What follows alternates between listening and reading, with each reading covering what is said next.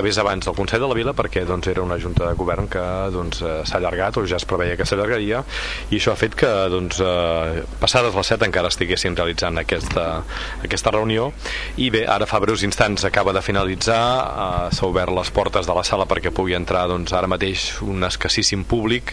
Avui doncs, eh, un, mes, un ple de mes d'agost que doncs, deixa en evidència aquesta època de l'any en què veurem doncs, eh, diferents absències de regidors eh, en aquest plenari, així com també la presència avui d'un interventor accidental, que és en David Carbonell, i per tant, doncs, eh, juntament amb el secretari accidental avui doncs, no hi haurà cap de les dues eh, eh, tècniques que acompanyen l'alcalde en el ple de l'Ajuntament, com són eh, la Marta Portella o l'Anna Berzal. Uh, una sessió plenària que com ja hem anat explicant els serveis informatius avui consta de 4 punts a l'ordre del dia com que és una sessió ordinària té el torn de pregs i preguntes i fer, fa uns minuts també com dèiem ha finalitzat el Consell de la Vila que avui doncs, eh, tot i tenir menys temps doncs, ha estat força farcit de preguntes.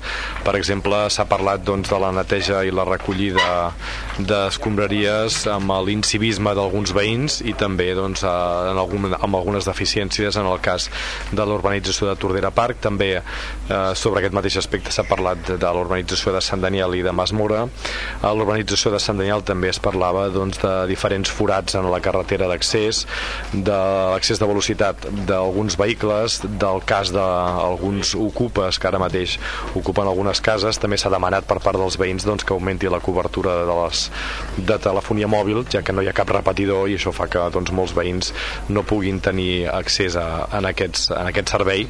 I eh, pel que fa a l'urbanització de Masmora doncs, una veïna ha demanat que s'intentés posar solució a furs que pateixen alguns veïns eh, arran doncs, de petits descuits que es produeixen a l'estiu en què doncs, eh, alguns eh, individus doncs, entren en els habitatges essent els eh, propietaris a dins i doncs, eh, bé, realitzant petits furs de no molt de valor però que sí que evidentment doncs, provocaven diferents molèsties. També s'ha parlat a l'organització de Niagara Park sobre alguns arbres vells que haurien doncs, de talar-se per tal d'evitar que ocasionin algun perill a la ciutadania, també sobre la instal·lació d'un badem i ja en el tram d'aquest Consell de la Vila s'ha parlat de la renovació de la concessió Autocars Barrera, que justament és un dels punts a l'ordre del dia del ple, i també sobre els agents cívics i si denunciaven o no denunciaven o si posaven multes o no posaven multes. L'alcalde ha explicat doncs, de que no posen multes però que sí que poden realitzar denúncies perquè la policia local acabi posant la multa. I aquesta doncs, ha estat a grans trets la sessió del Consell de la Vila. Ara sí que el plenari doncs, eh, els regidors presents hi són tots i diríem que d'un moment a l'altre començarà aquesta sessió que doncs bé, s'inicia ara mateix i que donem pas directe perquè el puguin escoltar. El ple voldria excusar l'assistència del tinent d'alcalde Marçal Vilageliu i de la regidora Sílvia Català que estan de vacances i per tant no pot assistir al plenari ordinari del mes de juliol en comencem amb el primer punt de l'ordre del dia, que és l'aprovació de l'acte de la sessió ordinària del ple del 19 de juliol 2018. Alguna qüestió? Fa ombra. No, aprovem l'acte, doncs. Queda aprovada. Passem al segon punt, que és l'aprovació del Pla Local de Prevenció de Residus Municipals. Secretari. Sí, els acords que sotmeten a votació és el primer acord aprovable local de prevenció de residus municipals de Tordera 2018-2020 el segon acord establir les mesures econòmiques i financeres necessàries per portar a terme les accions establertes en aquest pla. El tercer punt, facultar l'alcalde o persona en qui delegui per formalitzar la documentació necessària perquè esdevinguin efectius aquests acords el quart punt, fer constar el règim de recursos, que com sempre és la formulació del recurs contenciós en el termini de dos mesos o alternativament el recurs de reposició en el termini d'un mes. El cinquè punt, publicar aquest pla a la web municipal i al portal de transparència de la corporació per a generar el coneixement de les persones interessades i finalment el sisè punt, notificar aquesta resolució a les persones o entitats interessades. Gràcies, secretari. El regidor Carlos Aulet té la paraula. Bé, amb aquest pla que ha estat subvencionat per la Junta de Residus doncs una mica s'ha fet el diagnòstic de com està s'està fent la recollida a Tordera, la recollida selectiva i tot un seguit de mesures a fer per millorar-la eh, una de les coses que diu al principi que, la, que el millor residu és el que no es produeix no? perquè eh, ja, ja no s'ha d'eliminar després la conscienciació jugarà un paper molt important la conscienciació de la gent eh, per tirar això endavant eh, el, es faran tot un seguit d'accions de xerrades eh, per poder doncs eh, que la gent, el ciutadà tant de, que viu en pisos com el que viu en urbanitzacions doncs faci el menys residu possible. A les urbanitzacions ja tenim els compostadors però a més dels compostadors doncs també s'està traient moltíssima poda s'està traient moltíssima eh, eh, fulles dels arbres que eh, si la gent doncs eh, sapigués com reciclar-ho li serviria per adob per la mateixa parcel·la i no faria falta doncs, tampoc generar tant de residu i tot això doncs, serà el que, que s'explicarà eh, a les diferents reunions, xerrades eh, i que també doncs, comptarem amb el suport de, de la Junta de Residus que amb, amb això que aprovem avui doncs, es, podrà, es podran demanar subvencions. Gràcies, regidor. Intervencions, en Xavi Martín. Sí, gràcies senyor alcalde, molt bona tarda a tothom. En aquest punt el meu vot serà favorable. Ara finalitzava el, el regidor Olet comentant que gràcies a l'aprovació d'aquest pla de residus eh, també ens servirà per demanar subvencions, per tant és un, de, és un dels arguments per votar favorablement i després també m'agradaria remarcar això també que ha dit el, el regidor el fet de, i esperar i confiar que amb aquestes xerrades que es vagin fent doncs la ciutadania vagi prenent més conscienciació i per tant tinguem un menor nivell de residus. Gràcies, regidor. En Salva Giral de Sant Tordera. Sí, bona tarda a tothom. Bueno, no, és la primera vegada que ens trobem eh, que per tal de poder rebre una subvenció s'ha de redactar un document d'aquest tipus i la veritat és que valorem de manera molt positiva aquest pla local de prevenció de residus. Entenem que aquest pla ajudarà a organitzar i coordinar de manera més eficaç tot el que està relacionat amb la generació de residus i en aquest sentit tot el que significa preservar i protegir el nostre entorn i el medi ambient, eh, o sigui que des del nostre punt de vista ser sempre ben rebut. Eh, molt més quan es tracta de generar estalvi en els recursos naturals i energia i la reducció de despeses en aquesta gestió. Eh, felicitar també, abans d'acabar, els tècnics que hi han treballat per la bona feina realitzada i sense afegir res més dir que votarem de manera favorable. Gràcies, regidor. Per part del PSC, en, Salva, en Rafa Delgado. Sí, aviam, com s'ha dit, el pla de residus eh, local eh, se'ns presenta a votació i té una part de diagnosi i una altra d'objectius i pla d'acció. Ens preocupa l'elevat volum de residus per habitants que generem a Tordera i, per tant, els elevats costos que això implica.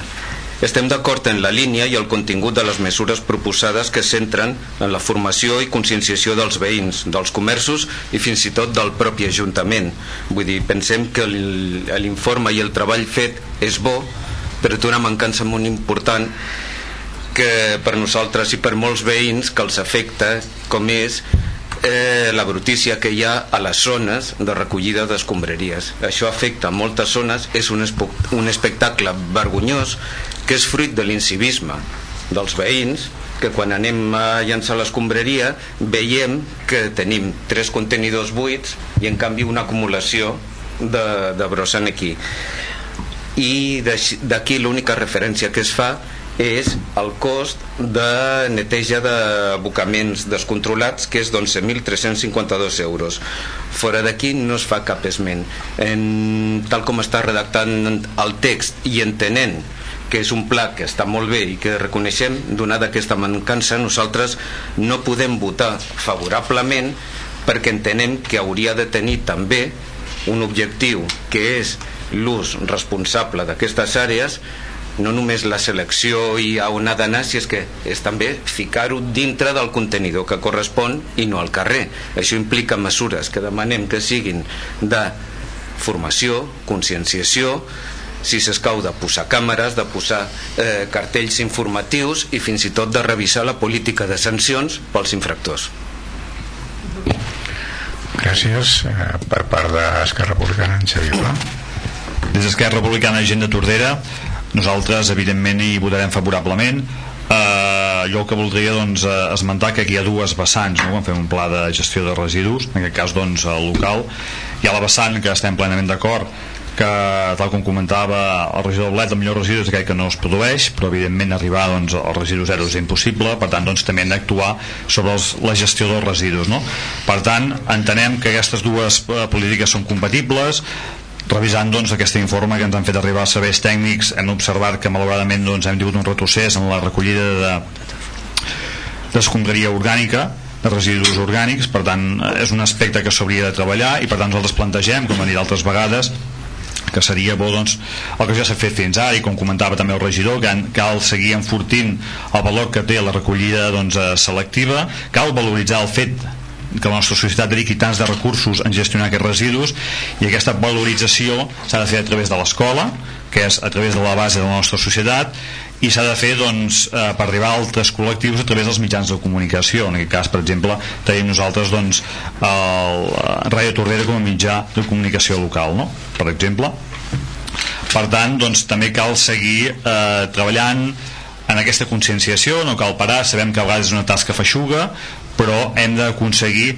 que els percentatges al final els percentatges de recollida selectiva de Tordera doncs, s'acostin doncs, en els països doncs, no europeus on, on han demostrat que des de casa i fent la feina que toca fent cada tordarenc i cada tordarenc la feina que toca assolirem un objectiu important reduir la quantitat de residus i també al mateix temps aquells residus que generem eh, farem la selecció des de casa i ens permetrà fer una gestió molt més eficient. Gràcies. Gràcies. I el regidor Villaro Gracias, señor alcalde. Buenas tardes a todos.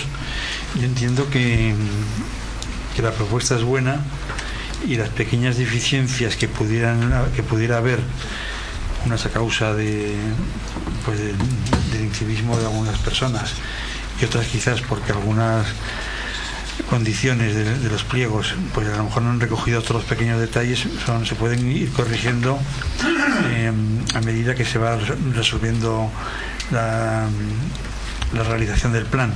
Per tant, mi, mi, mi vot serà favorable. Gràcies, regidor. De fet, el regidor Rafael Delgado feia una proposta, si el regidor Bolet vol contestar. A veure, trobo totalment correcte que s'hi afegeixi això. El, el pla aquest l'ha fet eh, la tècnica l'ambientòloga municipal doncs ha donat les dades però eh, bàsicament el que ho ha fet ha sigut una empresa externa també una mica perquè ens veiessin amb els ulls des de fora. Aquesta empresa el que ha passat és de que mm, ha vingut entre setmana no deu haver vingut cap dilluns que és el dia negre i, i per això doncs no eh, no he posat això. Eh, és totalment necessari que ho posem que ho afegim i que és que moltes vegades amb l'excusa que hi ha una bossa fora el primer que arriba allà li torna a deixar eh, sense preocupar-se de, mirar, de, de mirar res. Eh, ho afegirem i treballarem en aquest sentit. No hi ha absolutament cap problema i a més a més de que és necessari fer-ho Vale. O sigui, podem acceptar que s'inclourà com un dels objectius del programa eh, la lluita contra els abocaments incontrolats en les àrees de recollida i que inclourà com a mesures el que proposem de, com que igual que es fan eh, actes de formació amb altres aspectes del pla es farà alguna acció en aquest tipus els lletreros informatius en cas extrem perquè a nivell pressupostari té la seva incidència considerarem el posar-hi càmeres. Uh -huh. i després el tema de revisió de les sancions que és un tema que no agrada a ningú però que els veïns que ho pateixen doncs potser. En càmeres comencem aquest mateix any a treballar-hi. Ja, ja en tenim dues d'encarregades per dos punts determinats per controlar doncs, vehicles que aboquen allà de qualsevol manera. I també el limitar les àrees amb una tanca que això hem començat a Sant Pere de Riu també ha funcionat moltíssim perquè en deixen menys brossa de la que estaven, de la que estaven deixant fora dels contenedors. Vull dir, hi ha, hi ha coses a fer que, que, bueno, que a través d'això els uh, tirem endavant molt bé, doncs en aquest cas el nostre vot serà favorable. Ah, perfecte. Només eh, vull fer el matís que he fet també en el Consell de la Vila les càmeres vigilaran les matrícules dels cotxes les persones no pot ser de cap manera perquè no quedi com una contradicció al que he dit abans hi ha veïns que hi eren abans i que ara també hi són per tant les càmeres de vigilància serviran per controlar els cotxes no les persones eh? Bueno, canviant el vot que havia anunciat, eh, hi ha unanimitat en l'acord, per tant aprovaríem aquest punt per unanimitat i passem al següent, que és el tercer, que és l'aprovació del Pla Local de Joventut 2018-2021 de l'Ajuntament. Secretari.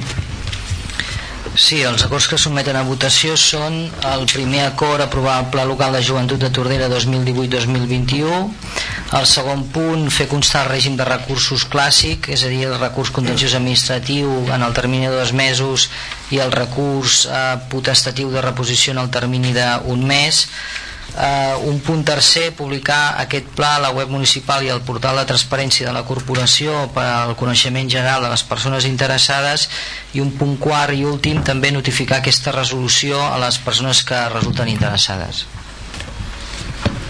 Gràcies secretari. La regidora de Joventut de la paraula. Merci alcalde, bona tarda a tothom el present Pla Local de Joventut de Tordera eh, és un document, com sabeu, elaborat amb voluntat d'orientar i planificar les polítiques de joventut del municipi durant els propers 4 anys i substituint així l'anterior Pla Local. En aquest, no, aquest pla pauta, estructura i descriu les polítiques de joventut a executar a Tordera i constitueix el full de ruta a seguir pel govern municipal en les actuacions adreçades al públic jove. És en ell mateix l'eina que ha de permetre afrontar amb rigor, organització i legitimitat el repte d'atendre les demandes juvenils dels seus escenaris de vida, tot responent a la realitat del municipi per poder intervenir i generar canvis doncs, en positiu. Atès que les polítiques afecten a les persones joves no poden ser dissenyades sense la seva participació. Per tant, el procés de confecció del pla ha inclòs un grup promotor de joves que l'han seguit al llarg de tot el seu recorregut i n'han format part activa. En afegit, s'ha comptat també amb un conjunt de col·lectius que ha permès analitzar i construir una diagnosi acurada de la realitat juvenil. En aquest sentit, doncs, cal agrair a entitats i associacions d'àmbit local, representants del món educatiu del municipi, a tècnics municipals i sobretot als joves. Els joves són en moltes ocasions un reflex d'aspectes que també la resta de població observem com una fragilitat i aquesta circumstància és deguda al fet que bona part dels plantejaments o demandes als joves representen qüestions transversals i que en el fons afecten a tot el municipi. Així doncs, el pla que representem és la planificació de projectes dirigits fonamentalment a les persones joves, però alhora constitueixen, construeixen la millora de Tordera en el sentit més global i transversal. La missió de regidoria de joventut, doncs, eh, és seguint el plantejament d'acompanyament i empoderament de les persones joves. És potenciar el desenvolupament del projecte vital dels joves al municipi. Un projecte, com ja heu pogut veure, que engloba, engloba tots aquests àmbits, educació, formació i ocupació, habitatge, salut, esports, cultura, lleure, inclusió, igualtat i participació mitjançant el disseny i implementació i avaluació de les polítiques de joventut que permetin als joves dotar-se d'eines que faciliten assolir els seus objectius, passant per la pròpia emancipació i la participació activa com a ciutadans del municipi. Durant aquests mesos de treball ha sigut una oportunitat per repensar el servei, per conèixer i endreçar les accions, planificar les actuacions i projectes juvenils de Tordera. Parlar de joventut no és només parlar de futur, és també parlar d'una realitat present, un col·lectiu que tenen expectatives, necessitats, possibilitats i potencialitats a oferir al conjunt de la societat. Pretén donar resposta a aquest doble plantejament, apoderar els i les joves perquè assumeixin el comandament de la seva vida i que siguin impulsors de l'evolució de la seva generació però, però sobretot s'ha buscat que sigui el pla de tots, el pla d'aquells que sempre participen i d'aquells que ho fan poc, el pla de les entitats i de l'administració i per descomptat el pla dels joves tordarencs. Una actuació que se centralitza des del casal de joves com a equipament, però també com a instrument d'aquestes polítiques seguint un treball en major part transversal amb altres àrees i institucions. El resultat d'aquests ens ha de servir per continuar treballant durant els propers 4 anys en diferents àmbits que afecten els i les joves.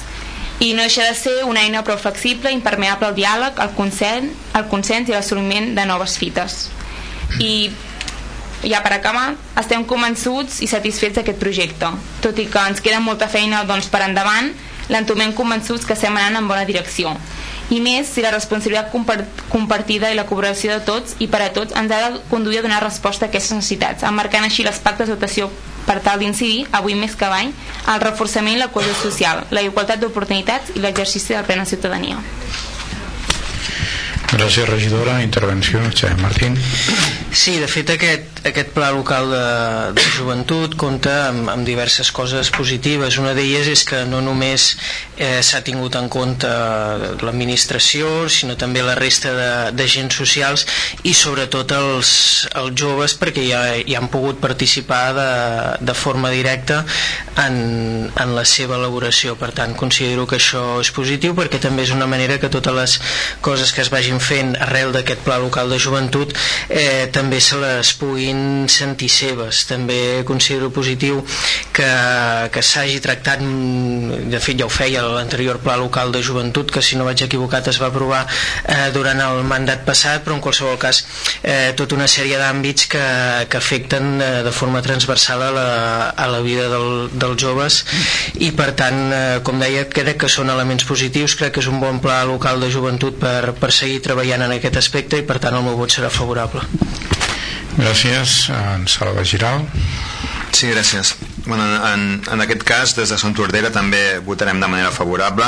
Haig de dir que aquest document ens ha sorprès de manera positiva eh, i vull felicitar abans de començar també, com hem fet abans, els tècnics que hi han participat i també la regidora responsable, ja que la veritat és que han fet molt bon treball. Estem parlant d'un document que és molt extens i complet, gairebé són 250 fuis i, i el fet que, que s'hagi redactat enmig d'un procés obert i, i participatiu, com ha destacat el regidor Xavi Martín, considerem que li dona molt més valor és cert que, que tot es pot millorar i, i m'agrada que el propi document deixi les portes obertes a seguir rebent aportacions per seguir creixent de, de cara a un futur. Uh, així que no afegiré res més reiterar la nostra enhorabona a tots els que, que hi han treballat en aquest projecte i dir que el sentit del nostre vot serà favorable.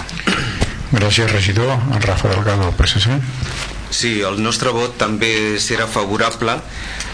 Eh, volem destacar sobretot la qualitat tècnica, sobretot i especialment en la recollida de dades, que abarca un univers molt important de, dels joves i la qualitat del treball que, que s'ha fet és molt destacable. Ens destaca, en un sentit negatiu, el baix nivell formatiu de la població adulta de Tordera, dada que encara s'accentua més eh, amb la taxa de graduació al finalitzar l'ESO, que aquí estem al 81%, quan la mitjana de referència és del 86. Això és una data preocupant i que incideix una mica en el tema que tenim de formació que entenem que és el més important de cara al desenvolupament personal i professional dels joves. Ha un aspecte també que és fins ara no hem tingut formació professional la vam perdre, esperem ara que amb l'esforç que s'ha fet doncs d'aquí a un temps, perquè el resultat mai no és immediat però comencem a compensar aquesta qüestió. Estem d'acord amb les línies i objectius generals del pla. Mm, pensem que tan important és el disseny com l'execució, les referències que tenim de l'anterior pla són positives, per tant tenim esperança de que tingui uns bons resultats, però sí que volem destacar algunes qüestions que també es destaquen a l'informe, com són la dificultat de comunicació, implicació i connexió dels joves que viuen en urbanitzacions, dintre del que seria el projecte comú de poble. Aquí tenim dificultats de transport, tenim dificultats d'arribada de la informació i fins i tot de connexió emocional. Les mesures que nosaltres no és que les proposem ara, sinó que hem proposat sempre són tema de transport públic, no hi ha freqüència d'autobusos perquè els joves puguin fer lliurement activitats extraescolars o fins i tot puguin venir al poble i tornar a la seva urbanització en un horari que no sigui l'escolar. Aquesta és una dificultat i un altre àmbit en el que s'ha de treballar més, però que això penso que d'alguna manera ja està inclòs en aquest programa, és el tema de fer arribar la informació de manera efectiva. No es tracta de que arribi el missatge, sinó de que arribi el contingut i provoqui una resposta del jovent per implicar-se en la nostra societat. I com he dit el nostre vot serà favorable. Gràcies regidor. En Jordi Romaguera Esquerra. Bona tarda a tothom. Um, una vegada també ha consultat el, el pla local de joventut. Vam felicitar a la regidoria de, de joventut i a tot l'equip tècnic que, que ha tirat endavant aquest procés de, de creació que ha durat des del setembre del 17 fins l'agost del 2018 això és menys d'un any i és la primera valoració positiva que en fem ja que l'anterior pla de, de joventut doncs, eh, es va allargar gairebé dos anys en el procés de, de participació i en aquest sentit considerem que um, els plans doncs, uh, d'aquestes magnituds característiques doncs, han de tenir un cert temps per poder desenvolupar totes les trobades i, i reunions que siguin necessàries presencialment. Per també doncs, que la gent, les persones, els joves puguin participar de forma telemàtica com ha sigut també en aquest, en aquest pla. I és un punt positiu també que, que, que ho valorem perquè podem arribar d'aquesta forma doncs, més lluny de, de la frontera de, de la presència de la, de la persona no? tot i que hauria de ser el gran repte que parlar un cara a cara no és, no és el mateix que, que participar a través de, de la pantalla eh, posar en valor també i, i felicitar i agrair a totes les entitats juvenils culturals així com els espais educatius eh, com poden ser escoles, a la biblioteca per, per participar. Eh, nosaltres des del nostre partit polític com a Joventuts d'Esquerra Republicana hem sigut una part implicada també en, en aquest procés de participació i tot i així doncs fem la crítica eh, que hem d'anar més lluny hem d'intentar arribar també a altres joves com deia també els companys de, del PSC i s'ha dit també en altres ocasions hem d'arribar més lluny hem d'arribar doncs, a tots els joves que no, no en tenen no tenen constància doncs, que s'hagi fet un pla de joventut o que fins i tot no és que no només en, tinc, no en tinguin constància sinó que potser fins i tot no, no els interessa no? Hem de trobar les fórmules per uh, generar aquest interès, generar aquesta curiositat i, i aquestes ganes de participar i formar part doncs, de, del poble de Tordera centrar-nos una mica més amb el pla, amb la part formal. L'extensió, com ja ha comentat el regidor Giral és de 250 pàgines. Inclou primer en una primera part aquesta avaluació del pla local de joventut anterior. Ho considerem correcte per fer un pla local de joventut per al futur, pels propers anys necessitem saber doncs, com han evolucionat també totes les propostes i que, que s'havien plantejat per aquests anys 2015 2015 2018 més o menys. I i això doncs aquesta primera part doncs, la trobem positiva i així també doncs, les propostes que hi han a partir d'ara tant les de continuïtat o reformulació que, que són necessàries i són coses que funcionen bé o funcionen mig bé o mig malament tot i que la idea és correcta doncs eh, redreçar-ho ho considerem correcte. Hem vist poques mm, propostes noves mm, innovadores mm, ja sigui pel motiu que sigui per la, perquè quan més gent participi segurament o quanta més gent hagués participat més idees noves eh, haurien sortit però valorem molt positivament coses molt concretes com per exemple doncs, aula d'estudi que se n'havia parlat ja doncs, des de fa bastant de temps mm, reclamat doncs, per bastants joves de, del municipi en època d'exàmens universitaris o fins i tot també una borsa de pisos compartits que, que pot ser molt positiu com a primer pas de l'emancipació domiciliària necessària per, per qualsevol jove podríem desgranar moltes propostes que són molt interessants. Animem a tots els joves de, i les joves del municipi doncs, que hi facin un cop d'ull. Uh, és llarg però està ben estructurat i és bastant visible mm, bastant intuïtiu també. Llegir doncs, i les descripcions de les propostes i els, les execucions i el calendari d'aplicació només un últim apunt també per, en contrast a l'últim procés de participació per l'elaboració del pla local del 2013-2017 allà ens va faltar doncs, fer aquest retorn de, aquest retorn de, de com havia acabat el procés de participació. Tenim constància doncs, que no, van, no va arribar aquesta informació als joves i les joves que havien participat. Esperem doncs, que aquest agost o setembre quan quan, per quan estigui programat el retorn de, de, on, de com ha quedat aquest pla local de joventut doncs la gent pugui, en pugui estar informada. I així mateix doncs, eh, mantenir el compromís de totes les persones que han participat eh, si durant els propers anys cal fer doncs, una revisió, una relectura d'aquest pla local doncs, per millorar-lo o executar-lo doncs, eh, poder doncs, comptar amb totes les persones possibles. Votarem favorablement. Gràcies al regidor Villaro Gracias, señor alcalde. Mi voto también será favorable. Gràcies. La regidora vol intervenir? No?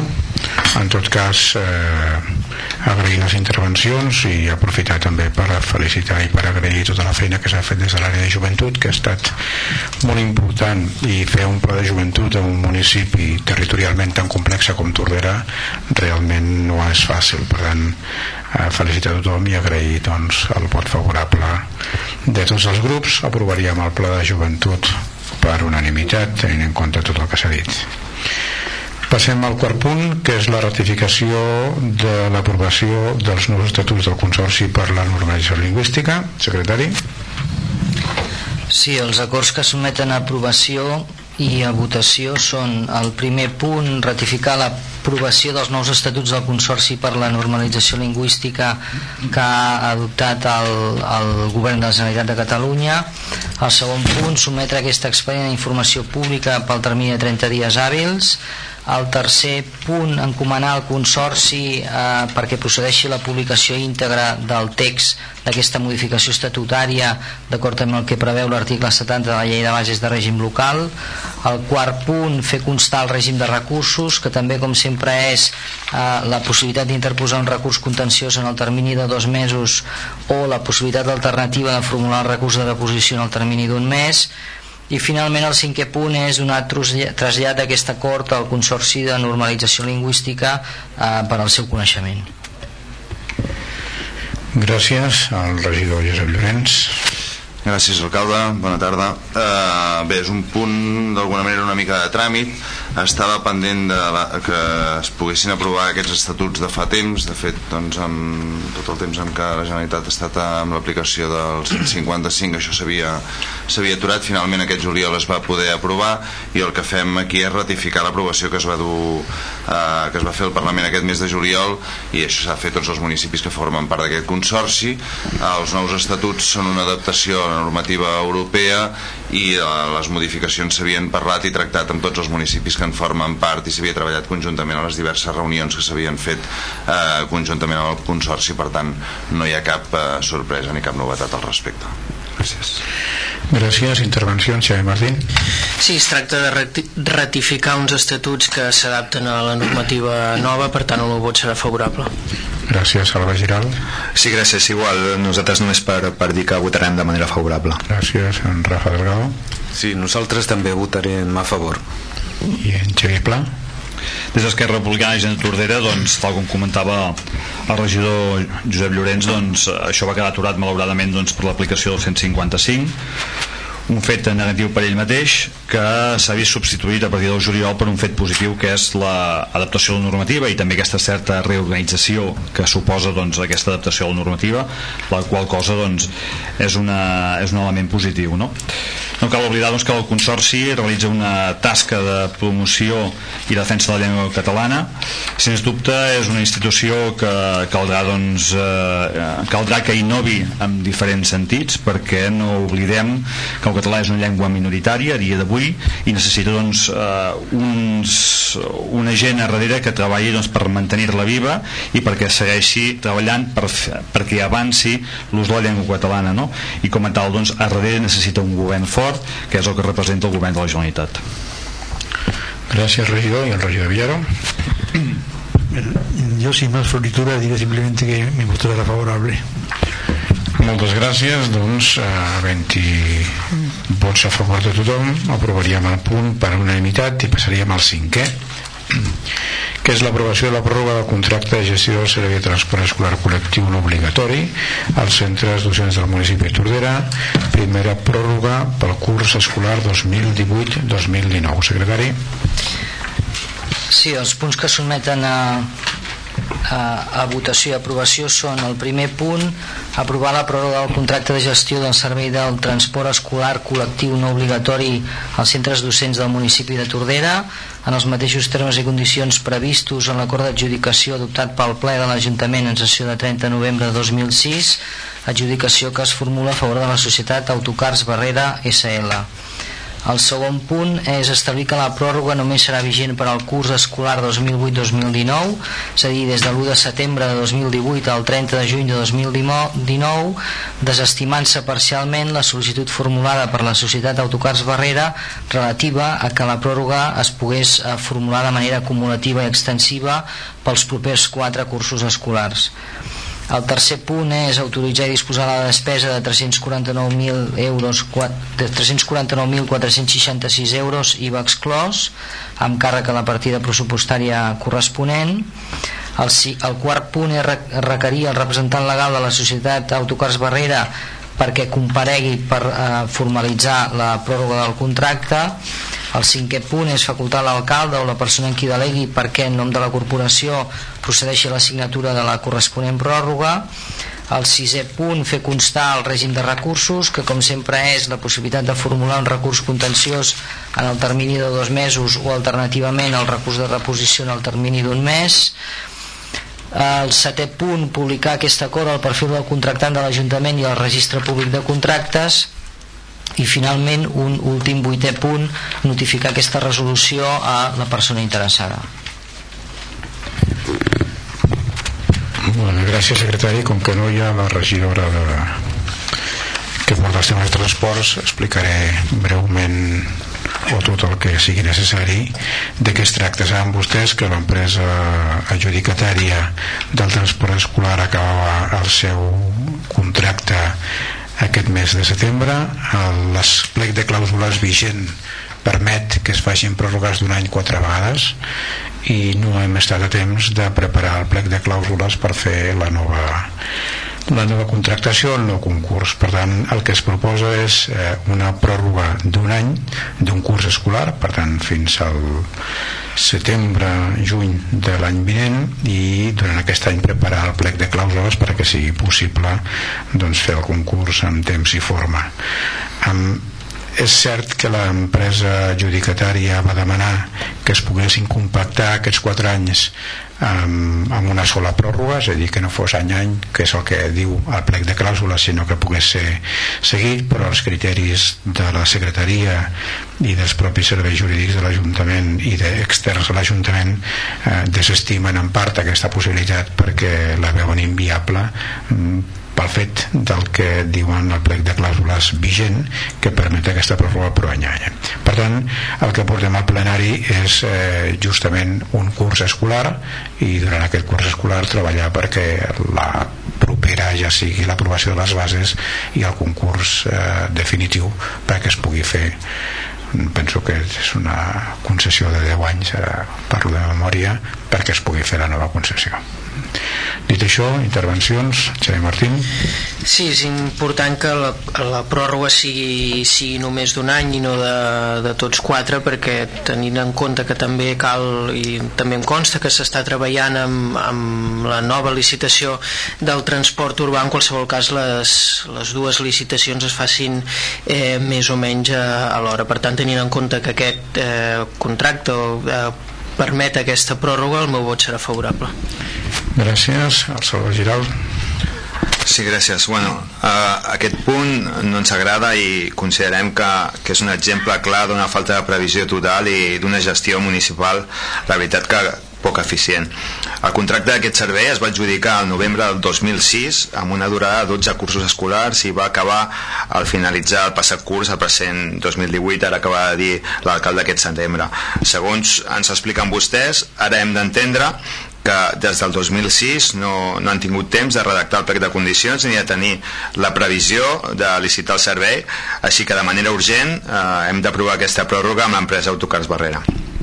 Des del 2015 estic escoltant que s'està treballant aquest plec i que aquest 2018 estaria acabat. La veritat és que no ens podem sorprendre, estem acostumats a que vostès no compleixin el que diuen, però en aquest cas i per tot el que està relacionat amb aquest contracte considero que el tema és més greu. Al gener del 2017, aquest mateix ple, ara fa un any i vuit mesos, vam aprovar per unanimitat una moció que per iniciativa del regidor Xavi Martín i amb el suport de tots els grups d'oposició i també de, de, del govern eh, el segon punt dels acords textualment constava el següent. El segon punt d'aquesta moció que vam aprovar per unanimitat deia Preparar les bases per a la concessió del contracte de transport urbà i escolar d'acord amb les recomanacions de l'estudi de la Diputació de Barcelona en virtut del qual es produirà un estalvi de 100.000 euros anuals.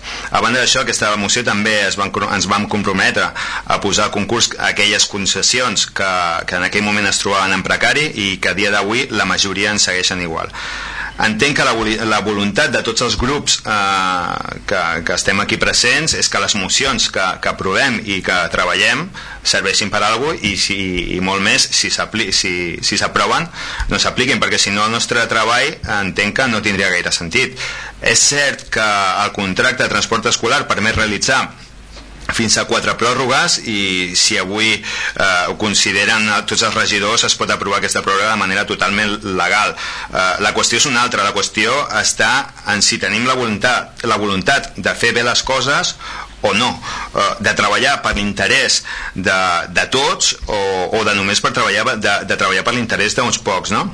eh, és de sentit comú que si des del 2006 vostès ja sabien que aquest servei acabava ara l'única raó per la que no han preparat el plec de condicions simplement és perquè no han tingut voluntat de fer-ho cosa que el que perjudica finalment és l'usuari que rebrà un servei que segurament podria ser molt millor amb un contracte nou i actualitzat a les necessitats actuals, necessitats que són molt diferents eh, a dia d'avui que, que fa 12 anys, molt més si encara eh, afegim un any més.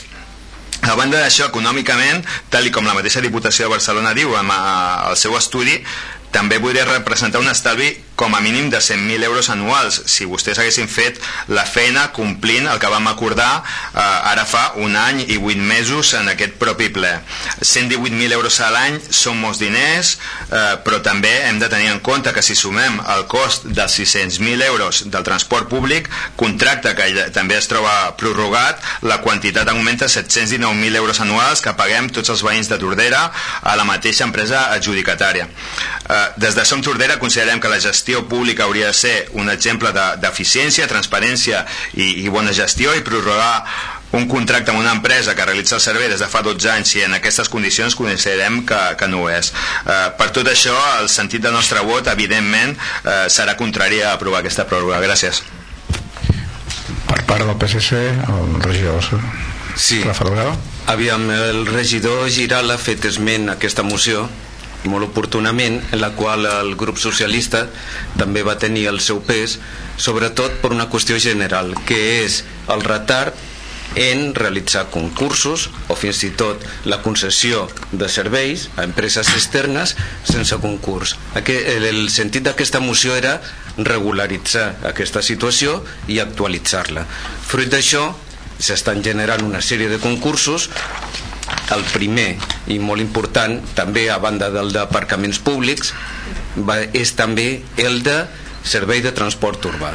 Per nosaltres és molt important. Històricament el grup municipal socialista el tema de les concessions tant de transport públic com de transport escolar eh, sempre hem estat molt atents, molt curosos i molt interessats en que fos efectiu, transparent i esperem que a partir d'ara doncs veritablement sigui així.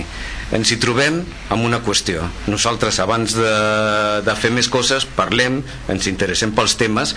L'abans del treball de licitació del transport urbà que és previ en aquest està molt avançat. Ens han confirmat que abans de Nadal es podrà fer el concurs el que implica ja un pas que no m'atreviria a dir històric però sí que és molt molt important eh, la saturació del servei vull dir, tenim dues persones fent no només aquesta licitació sinó d'altres, és evident entenem que de vegades tenir paciència ens pot portar millors resultats perquè no es tracta de fer un plec de clàusules de qualsevol manera sinó de ser molt curosos perquè n'hi ha demandes específiques de noves parades de nous serveis de si fem transport escolar a demanda o no, és un tema molt complicat. L'informe de Diputació de 2013 doncs ara tenim noves experiències que s'han d'incorporar i s'han de valorar.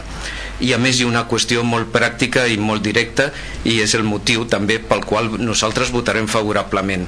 I és que si no votem aquesta, aquesta pròrroga d'un any Autocars Barrera continuarà donant el servei però d'una manera no regulada, és a dir, perquè és un servei públic essencial i si no es fa la pròrroga no passa res, continuarà donant-lo perquè els nanos han d'anar a escola. Per tant jo m'estimo més que siguem administrativament curosos complim la normativa davant la demanda de 4 anys evidentment la nostra posició va ser dir que mai perquè s'ha de fer el concurs i l'abans possible però el millor concurs, les millors condicions i en aquest moment tenir una condició reglada i regulada correctament i no una pròrroga tàcita que a més no tindria un límit en el temps perquè es podria allargar el que sigui. Ara tenim un límit d'un any límit per fer aquest plec de clàusules. Sí. Gràcies regidor. Xavier Pla des d'Esquerra Republicana i Gent Tordera eh, evidentment estem d'acord amb moltes de les afirmacions que s'han fet aquí. Recordem que el contracte que estem prorrogant es va realitzar el 2006 per tant molt abans doncs, eh, d'hagués una crisi econòmica molt important. Això eh, suposa que en el moment de negociar aquest contracte es va, es va eh, pactar en base a l'entorn econòmic que havia en aquell moment i com la gent que ens escolta doncs, comprendrà que ha canviat molt el 2006 respecte al 2018 aquest contracte podem dir clarament que és obsolet. Obsolet per la forma d'haver-lo contactat i obsolet amb la forma de la gestió tant els usuaris per un costat les necessitats de Tordera han variat i també la manera en què se gestionen les empreses de transport eh, públic també ha canviat i per tant és un contacte que està doncs, eh, plenament obsolet. Dit això hem reclamat com altres grups polítics que, que es dués a terme doncs, la revisió d'aquest contracte, que es publicités, que licités. S'ha dit moltes vegades i encara no ho hem vist, nosaltres no tenim tant, tanta l'esperança de que a final d'any es faci, eh, fins que preferim creure quan sigui efectiu aquesta, sigui efectiva aquesta feina, aquesta licitació, per tant doncs eh, estarem contents de que així sigui i que la feina es faci ben feta. Però evidentment eh, han tingut molts anys per haver-la fet en el moment que, que tocava que era exactament durant l'any 2017 Dit, dit això, també cal afegir que també, també hi ha hagut altres contractes que no s'han dut a terme no? el de recollida d'escombraries no s'ha dut a terme el transport escolar tampoc s'ha dut a terme el de transport urbà tampoc s'ha dut a terme s'han fet d'altres no? aquí es comentava eh, el regidor Marçal en altres ocasions que es fet coses evidentment que s'han fet coses no? però malauradament ens hem deixat per l'últim els contractes que tenen més impacte econòmic aquests que, tal que comentava aquests tres contractes que comento tenen un impacte d'uns 2 milions d'euros i fer petites variacions d'aquest contracte tenen un impacte important tal com ja es comentava no? informes de la DIVA així ho, ho esmenten és a dir, la Diputació de Barcelona i d'altres eh, possibles subvencions que pogués rebre el, el transport escolar no obligatori que en el seu moment doncs, es van treballar des del Consell Comarcal de Maresme per, per tant, dit això, també conscients de que el transport escolar doncs, eh, s'ha de fer, no hi podem votar en contra, però evidentment tampoc podem eh, votar favorablement a una gestió doncs, eh, dolenta de, de com s'han fet aquestes eh, com s'ha fet doncs, aquestes contractacions no? i per tant doncs, el vot d'Esquerra Republicana i Gina Tordera serà d'abstenció. Gràcies regidor, el regidor Iaro Bien, eh, yo por supuesto no estaba aquí en el año 2006 y, y, la cuestión me coge un poco de rebote, ¿no? Pero efectivamente eh, la postura de, del señor Giral a mí me parece un poco negativa porque no da ningún tipo de soluciones, mientras que la del regidor Delgado me parece pues, muy adecuada porque aparte de que señala algunos aspectos negativos que siempre los hay en cualquier gestión, eh, sin embargo, en, opta por una solución que sí que es positiva y que además da pie a que uno se mm, despierte un poco a lo mejor del letargo que ha tenido y realmente se ponga, ponga en marcha todo el procedimiento que se requiere. ¿no? Por tanto, mi voto también serà favorable. Gràcies, regidor. Quatre, quatre notes per part meva, perquè que ha defensat. Certament tenim un col·lapse a l'oficina de contractació. De fet, quan es va fer aquest contracte en el seu moment, eh, que és un concurs, no és un pacte crec que això és important que ho digui perquè alguna referència que s'ha fet durant la intervenció els contractes que fa l'Ajuntament no són contractes pactats són bases fetes a partir de costos i a partir dels costos s'adjudica a l'empresa que fa una proposta millor per tant eh, pot estar obsolet però de fet eh, caduca aquest any i la pròpia normativa i la pròpia, mm, les pròpies bases deien que era possible prorrogar-ho durant 4 anys. Per tant no estem fent res estrany que se surti del contracte que es va fer a partir d'una licitació a partir d'un estudi de costos que no està obsolet perquè els preus de mercat els coneixem hores d'ara. Per tant no estem fent res més que això. També és cert que, que tenim un col·lapse. En aquests moments estem eh, treballant en set licitacions. L'oficina de contractació no només està treballant, sinó que estem contractant empreses externes per poder fer totes les contractacions. Tingueu en compte que, més, hi ha un greuge, que segurament el plenari ho valora relativament, i és que hi ha una nova llei de contractes. La nova llei de contractes ens ha variat absolutament tot el que estava en vigència fins al mes de març de l'any passat amb la qual cosa ens hem vist eh, a l'oficina de contractació més embolicats encara del que estàvem inicialment. Per tant eh, és cert que hi ha contractes i que hi ha adjudicacions que estan eh, més que sobrepassades. No es tracta tant de l'import sinó de la, de la contractació si ha estat sobrepassada. Hem estat treballant amb el contracte de cementiris eh, segurament el volum de la despesa no és tan important però és molt important tenir resolta aquesta situació per sensibilitat humana una i perquè estaríem fora de normativa si no fèiem això. Vam haver de canviar i vam haver de eh, fer el contracte i vostès ho saben tota la licitació de l'aparcament. I sabem que tenim caducat i per això estem treballant amb, el, amb la recuperació o per primera vegada gestionar la llar d'infants des de l'Ajuntament perquè el contracte que teníem amb l'empresa adjudicatària estava més que caducat i estàvem fent pròrroga ja fora de termini. Per tant reconèixer que des de l'activitat de l'oficina de contractació i amb la nova llei de contractes no només no hem pogut complir l'ordenança sinó que tenim problemes fins i tot per governar algunes coses que se'ns escapen perquè no hem pogut portar-ho a terme per tant, el que avui estem portant és una situació transitòria prevista a les bases, en aquest cas prevista a les bases, i que ens ho porta perfectament.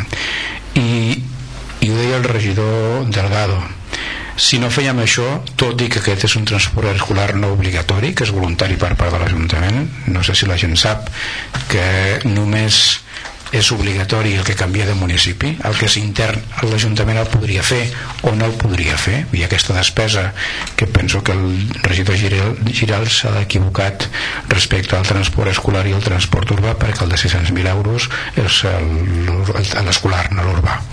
Però en tot cas no, no és, és important. revés? és al revés, sí. Ah. Eh, no, no, dic l'urbà no és sí, sí, sí, sí, sí, és possible que hagi sí, sí, però en tot cas eh, aquest és un transport que l'Ajuntament d'Ordre fa voluntàriament, el podria no fer i creiem que és necessari. És evident que si ara nosaltres deixéssim de fer-ho tenint alumnes escolaritzats a les urbanitzacions que són les que van a les escoles del centre del poble perquè tenim el territori que tenim eh, estaríem obligats a demanda dels pares a mantenir un servei tot i que no sigui obligatori però ja està, ja està consolidat. Per tant tindríem un enraó molt important i el que estem fent en aquest acte és una pròrroga per tenir temps de tot i que tindríem possibilitat de 4 anys de pròrroga dient aquest plenari farem aquesta primera pròrroga i preparem les bases d'acord amb l'oficina de contractació amb els terminis que tinguem la possibilitat de portar a terme durant aquests mesos prioritzant altres com dèiem el transport urbà entre altres. Tindrem ocasió de per curs vinent tindre les bases i poder adjudicar-ho i només passar aquest any amb aquesta proposta de prorrogar aquest és un contracte que saben vostès que al llarg dels anys ha estat conflictiu ha estat molt revisat perquè hi ha hagut una querella fins i tot damunt d'aquest això va arxivar el jutge. Per tant eh, llum i taquígrafs en aquesta, en aquesta contractació en aquestes bases. No només va perdre el contenciós l'empresa que va posar en contenciós perquè no va guanyar, que era Autocars Calella sinó que va haver-hi um, uns veïns que ho van portar a la Fiscalia la Fiscalia va investigar i el jutge va arxivar. Per tant tot està fet i està ben fet i per tant no ens preocupem. Ni està obsolet ni és un contracte que tingui cap mancança i està absolutament al dia perquè l'estudi de costos està fet, l'ha fet la Diputació l'hem treballat amb el Consell Comarcal i els pares al final estan pagant una quantia que cobreix el 20% del preu total del transport escolar. Curiosament i acabo la baixada d'alumnes suposa una despesa més important per l'Ajuntament perquè el mateix bus que abans portava 35 alumnes en porta 20 hi ha hagut una baixa d'alumnes que agafen el bus però el bus hi ha d'anar igualment. Per tant el cost és el mateix que si en és ple i va a la meitat eh?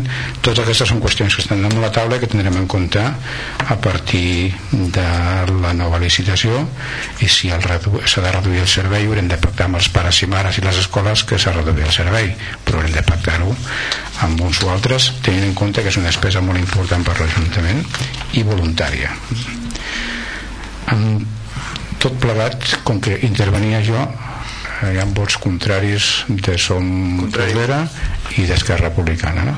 abstenció? jo volia fer un sí, no, no, és que per comptar els vots mentrestant si el regidor vol intervenir sí, sí. Nosaltres el que volem destacar és que, ja ho he dit abans, les, les licitacions i els concursos públics són importants perquè ens donen l'oportunitat de millorar tot el que s'ha fet abans, de fer-ho amb més transparència i sobretot més adaptat al nou model. Tenim un any per treballar per treballar bé perquè és un, un transport que és molt complicat per la característica del territori té qüestions tècniques, té qüestions de costos i que hem de treballar perquè sigui un millor servei. I és en el que penso que aquí ens correspon a tots fer les nostres aportacions. Gràcies regidor Giral no, només afegir contestant al regidor al regidor Delgado que, que bueno, estem parlant de que l'informe l'estudi de, de la Diputació de Barcelona és de l'any 2013, estem a l'any 2018 jo crec que amb aquest temps hem tingut temps de sobres si haguéssim tingut voluntat de posar-nos-hi al 100% tot i que em consta que, que l'oficina que, que redacta les, les, les plecs de condicions està col·lapsada, això és cert eh, em consta, sí. però entenc que hi ha temes que són urgents i més quan estem parlant de, de quantitats tan importants de diners no? Sí. Regidor Delgado, vinga, sí. és que no em referia a vostè, però en el que ha dit estic completament d'acord. És un tema urgent, és molt important, l'informe de 2013 és una referència, mm, hi ha noves experiències en altres llocs i les característiques de l'alumnat d'aquí també tenen una evolució. Llavors hi ha matisos que podem fer però no em referia a vostè i estic d'acord amb tot el que ha dit ara. D'acord, ara sí, i ara hem ja fet el recompte, són 10 vots a favor, un en contra i 4 abstencions. Amb aquest punt acabaríem els punts de l'ordre del dia ordinaris i passaria a comunicacions. Abans de passar a pregs i preguntes saben que tinc el costum de felicitar en el plenari els veïnats que han celebrat festes. Tinguem en compte que l'últim plenari el vam fer el 19 de juliol doncs només agrair a la gent del veïnat de Sant Jaume la seva plec, la seva feina, la seva organització a la gent de Sant Daniel Jalpí, la festa major de Sant Daniel i la mina Jalpí els veïns de Baimanya la plec de Baimanya i també als veïns de l'organització Masmora que van celebrar la seva festa als veïns de l'organització Blanes Mar Sant Daniel que també van celebrar la seva festa. Als veïns d'Agora Park que van celebrar la seva festa. Als de les Ferreres. També als organitzadors de la plec de Roca Rosa que com saben va ser el 15 d'agost. Els veïns de Niagara Park que també van celebrar la seva festa i evidentment després que la setmana passada va ser la festa major del poble agrair a totes les persones que han fet possible la preparació, l'organització i el funcionament de la festa major a totes les persones, als voluntaris, a les entitats, a la comissió de festes que, que fa una feina molt important i també als serveis municipals tant a la brigada com a la policia com tots els serveis de joventut i els eh, la resta de treballadors de l'Ajuntament que durant aquests dies de festa major han fet un esforç important perquè es portés a terme correctament i en condicions entenc que pot haver agradat més o menys però que el resultat final ha estat una festa sense cap tipus d'incident cap tipus d'incident com a mínim eh, que la policia tingui coneixement amb molta participació dels veïns i per tant diguem-ne que ens podem felicitar de com ha anat la festa amb els matisos que pot tindre sempre el partit dels gustos que puguem tindre tots. Per tant agrair a tothom totes les festes que s'han fet els veïnats a la comissió de festes i a les regidories de festes i joventut la seva feina per a aquesta festa major i també a tots els participants de tot el poble. Dit això i a la meva fonia que no sé si ve de la festa major o d'on ve però i passem ara sí a l'apartat de pregs i preguntes. Comencem per al regidor Xavi Martín Sí, són dues preguntes. Eh, la primera d'elles és que la Generalitat de Catalunya ha concedit una subvenció a l'Ajuntament de Tordera eh, pel projecte LIFE i una altra per actuacions a la Riera de, de Baimanya. Quan es té previst que finalitzin aquestes actuacions? Eh, han estat finançades al 100% per la Generalitat o hi ha cofinançament per part de l'Ajuntament? I la segona pregunta fa referència que en data 26 de juliol es va, es va emetre un decret d'alcaldia on s'imposava una multa coercitiva a l'entitat bancària propietària del bloc B, fase 2 dels pisos blaus.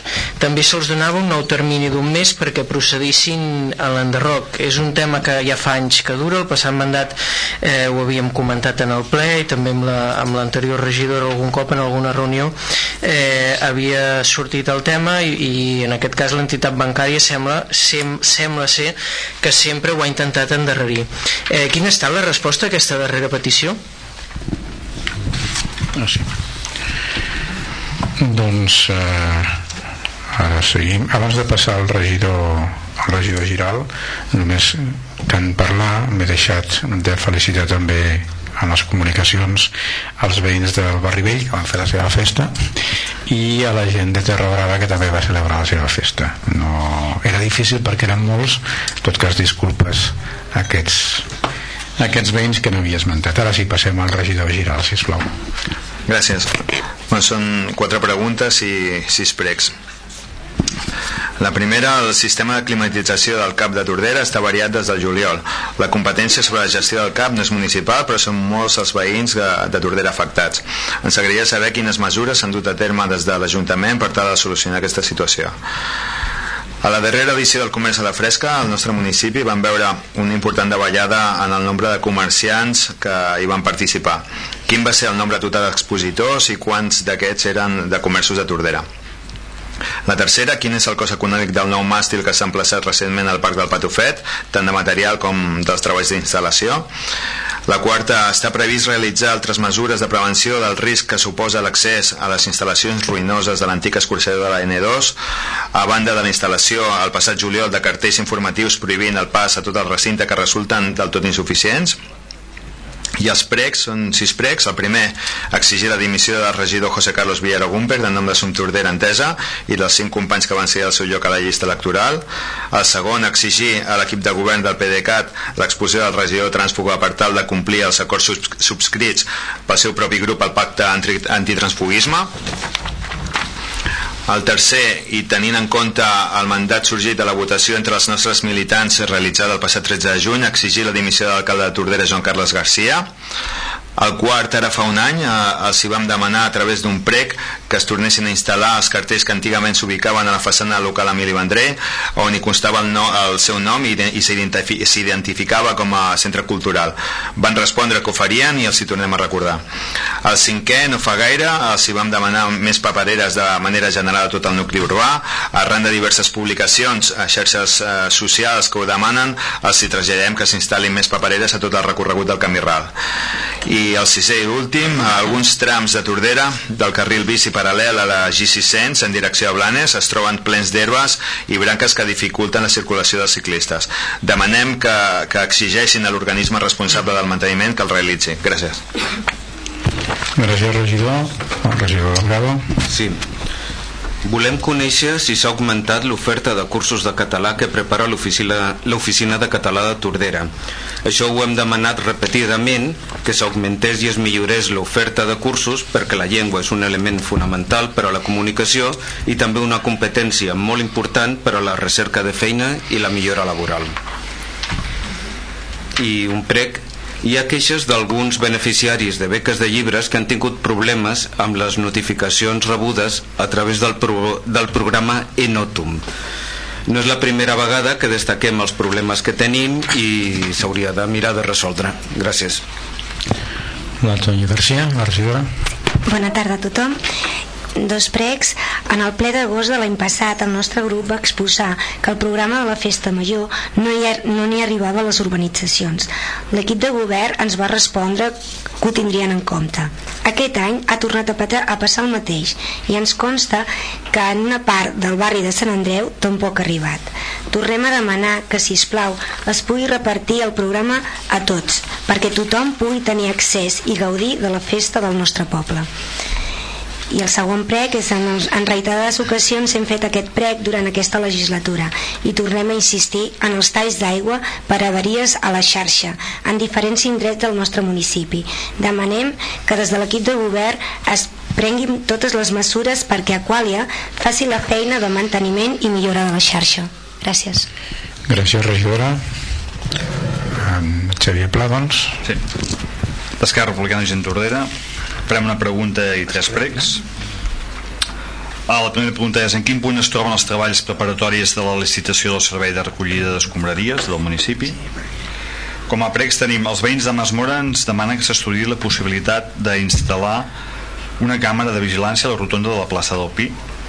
El segon prec davant dels problemes reiterats d'acumulació de residus en els, conten... perdó, en els contenidors propers a Can Fosques es demana que s'intensifiqui la freqüència de recollida de brossa. El tercer, es demana que s'investigui les persones responsables del robatori de l'estelada municipal situada davant de la biblioteca, al mateix temps demanant que sigui col·locada una de nova. Gràcies. Gràcies, regidor. Doncs, fetes les preguntes, anem a intentar respondre les preguntes i comentar els pregs si és necessari els que feia el regidor Xavi Martín del PP eh, feia referència a les subvencions de l'AIF i el termini d'actuacions, el regidor Olet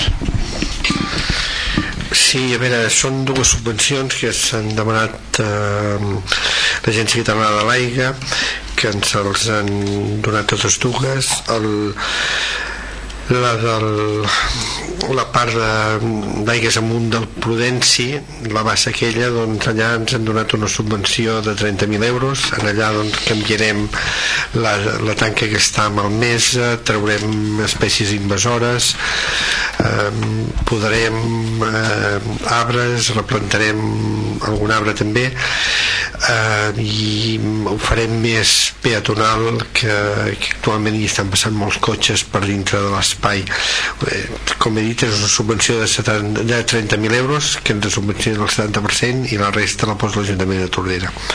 I després també en la Riera de Vallmanya a la desembocadura a la zona de, de de fibra Inditex doncs eh, quan la riera arriba al riu en, el riu és un metre més alt la zona aquella de la desembocadura que, la riera de Vallmanya i allà doncs de moure les sorres tirar-los cap a, al costat esquerre del riu i és una subvenció de 12.000 euros que també és subvencionada un 70% per l'Agència Catalana de l'Aigua i l'Ajuntament imposarà el 30%, el 30%. El, la subvenció del, del Prudència ha d'estar acabada ja pel, pel 15 d'octubre i la resta doncs eh, l'altra tenim un, eh, tot el 2018-2019 per fer-ho Gràcies, regidor. El regidor també preguntava pels pisos blaus, si l'enderroc, el regidor Villaro. Gracias, alcalde. Efectivamente, el día 26 se emitió ese decreto de alcaldía y el día 26 de julio eh, el acuse de recibo por parte de la entidad bancaria tiene fecha del 1 de agosto. Se le daba un mes de prórroga que eh, termina el 2 de septiembre que es domingo, con lo cual el día 3 será el último día que tienen la posibilidad de contestar este escrito. En todo caso, pues a partir de aquí, en función de si hay o no hay respuesta, pues seguirá el procedimiento oportuno. Només afegir una cosa que deu saber el regidor ja però allà hi ha una dificultat és que hi ha una, estació transformadora d'Endesa sota de l'edifici. I això ha provocat alguns problemes eh, perquè per poder enderrocar els pisos s'ha de poder treure l'estació transformadora que hi ha a sota si no es quedaria sense llum tota la zona doncs, del voltant del veïnat de Sant Andreu. Per tant això ha complicat bastant és l'únic edifici que queda i això ha complicat bastant els treballs d'enderroc Anem ara doncs a les qüestions que plantejava el regidor Giral. La primera parla de la climatització del CAP, la regidora Bàrbara Vergés. Sí, com ha comentat, el centre d'atenció primària bueno, depèn del Departament de Salut de la Generalitat i d'aquí de l'àrea d'infraestructures i si ens van comunicar que el 16 de juliol bueno, es va espatllar l'averia no era petita sinó era una actuació complexa i que per tant doncs, tardarien unes setmanes a arreglar-ho uh, i a dia d'avui ja està arreglat però sí que van ser uns dies doncs, que també va coincidir que feia molta calor i bueno, que es va notar doncs, que um, els aires que van posar mòbils no acaben de, de funcionar tot i que bueno, van posar-ho per, per passar aquests dies i també van posar un, un toldo a la part de la sala d'espera que és on toca també tocava més el sol però bueno, han sigut uns dies que s'han fet llargs i bé, doncs agrair doncs, la paciència dels usuaris i també doncs, del, del personal que hi, hi treballa i bé, doncs a dia d'avui ja està, ja està arreglat. Una altra qüestió al voltant del comerç a la fresca el regidor Josep Llorenç a falta en Marcel Vilasaliu Sí, gràcies alcalde. Uh, com que Marcel no hi és han consultat el departament i ens han dit que hi van participar 25 establiments dels quals 17 eren de Tordera. Una segona qüestió del cost del màstil del Barça Concord del regidor Olet Bé, el cost, doncs, el màstil 640 euros i 160 de...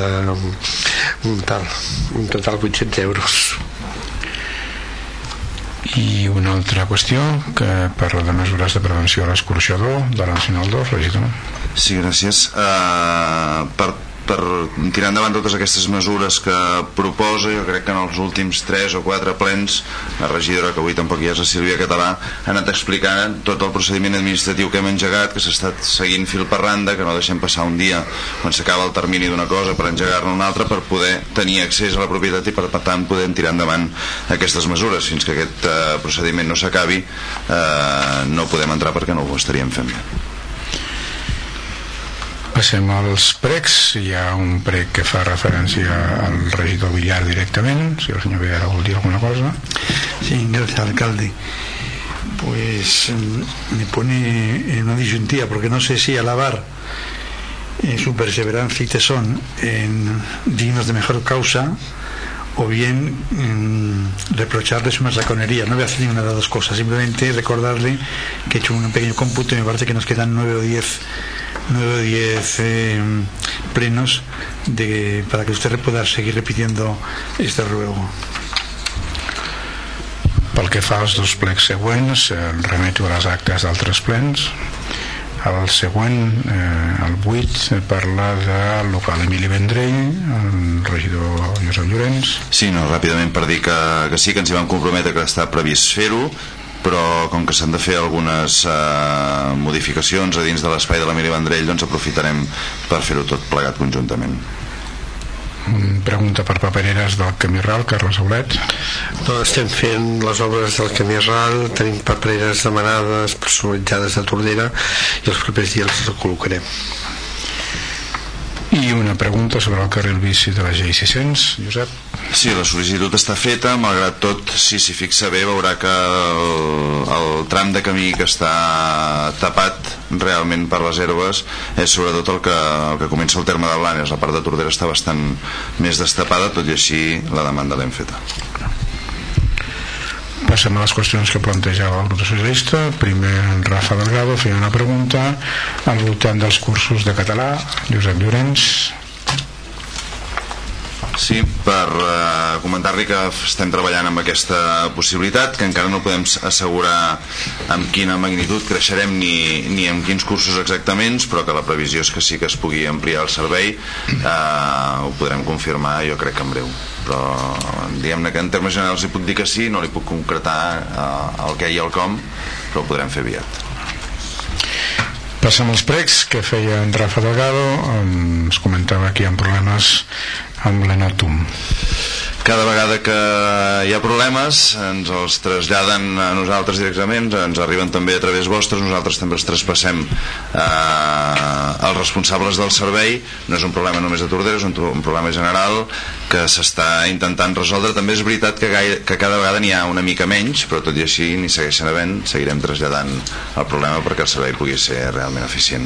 Sí, tinguem en compte que és l'administració oberta de Catalunya això és com molt oficial uns pregs que feia la regidora Toñi Garcia del repartiment del programa de Festa Major Uh, ens va passar l'any passat jo torno a explicar, em sembla que la Sílvia també ho va explicar l'any passat no, el programa no el fa ni el gestiona directament l'Ajuntament uh, el fa per iniciativa pròpia la impremta a canvi de cap cost uh, per l'Ajuntament i també se'n cuida del repartiment tot i així, de la mateixa manera que vam fer l'any passat tornarem a reclamar la millora o buscar una alternativa a l'hora de, de repartir el programa si, si no hi ha una solució possible per aquesta via suposo que haurem de distingir el programa gran, el que fa la impremta diguem-ne que ho fan, ho paguen els comerciants d'un altre programa alternatiu que sigui que pugui arribar a tot arreu sí? perquè no arriba no. és evident que no arriba i una altra qüestió un prec al voltant dels talls d'aigua regidor Olet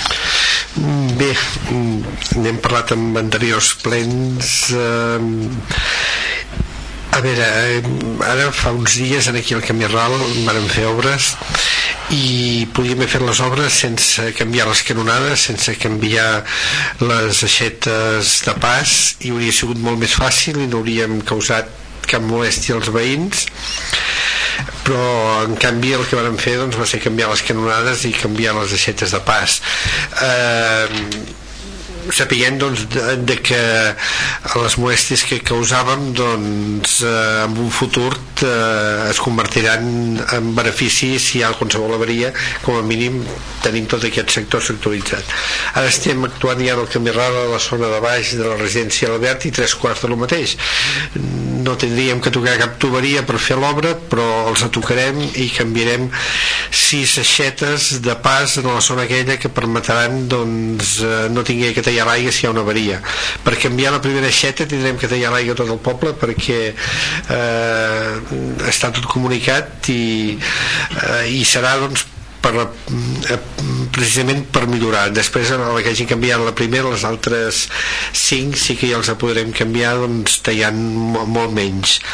També el proper mes de setembre doncs, s'aprovarà per Junta de Govern tres projectes valorats amb 300.000 euros que ja l'últim ple vaig parlar per de fer el pou d'Àgora l'ampliació de la planta i l'estació de bombeig Àgora subvencionats per l'Agència Catalana de l'Aigua però també que que Aqualia finançarà amb un 40% aproximadament.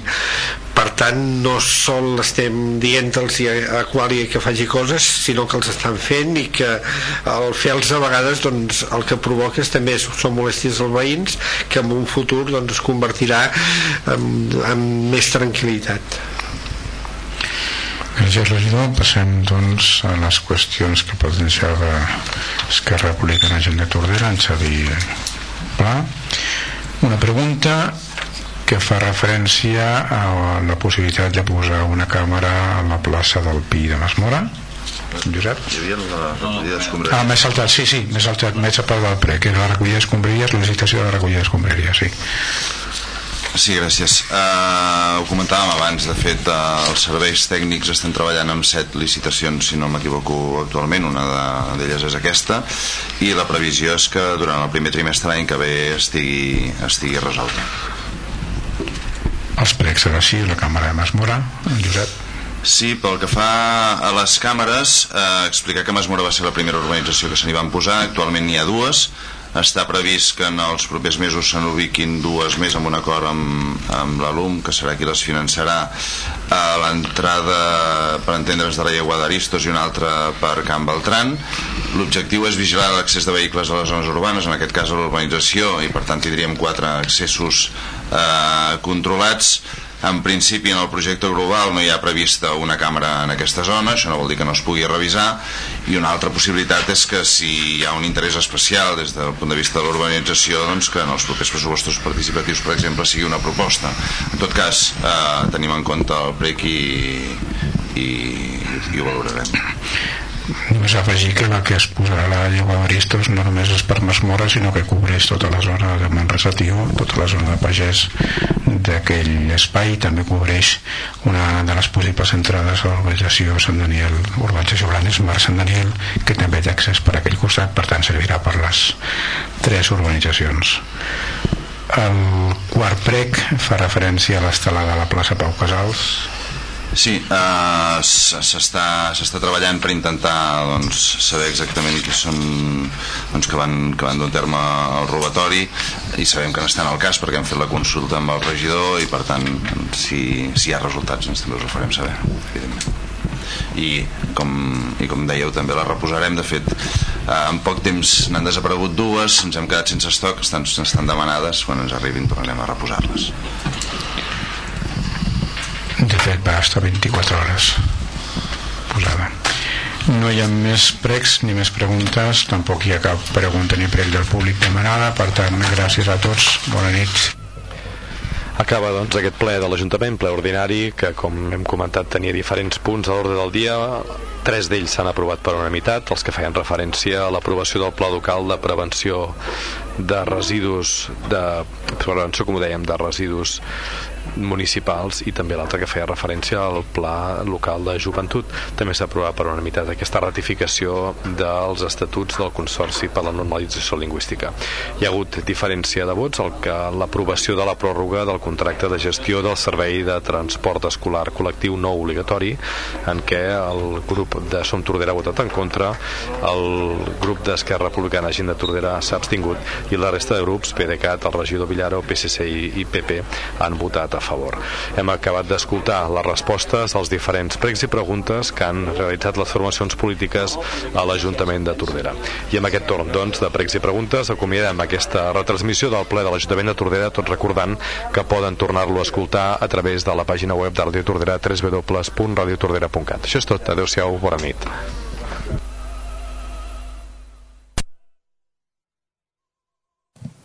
Doncs quan passa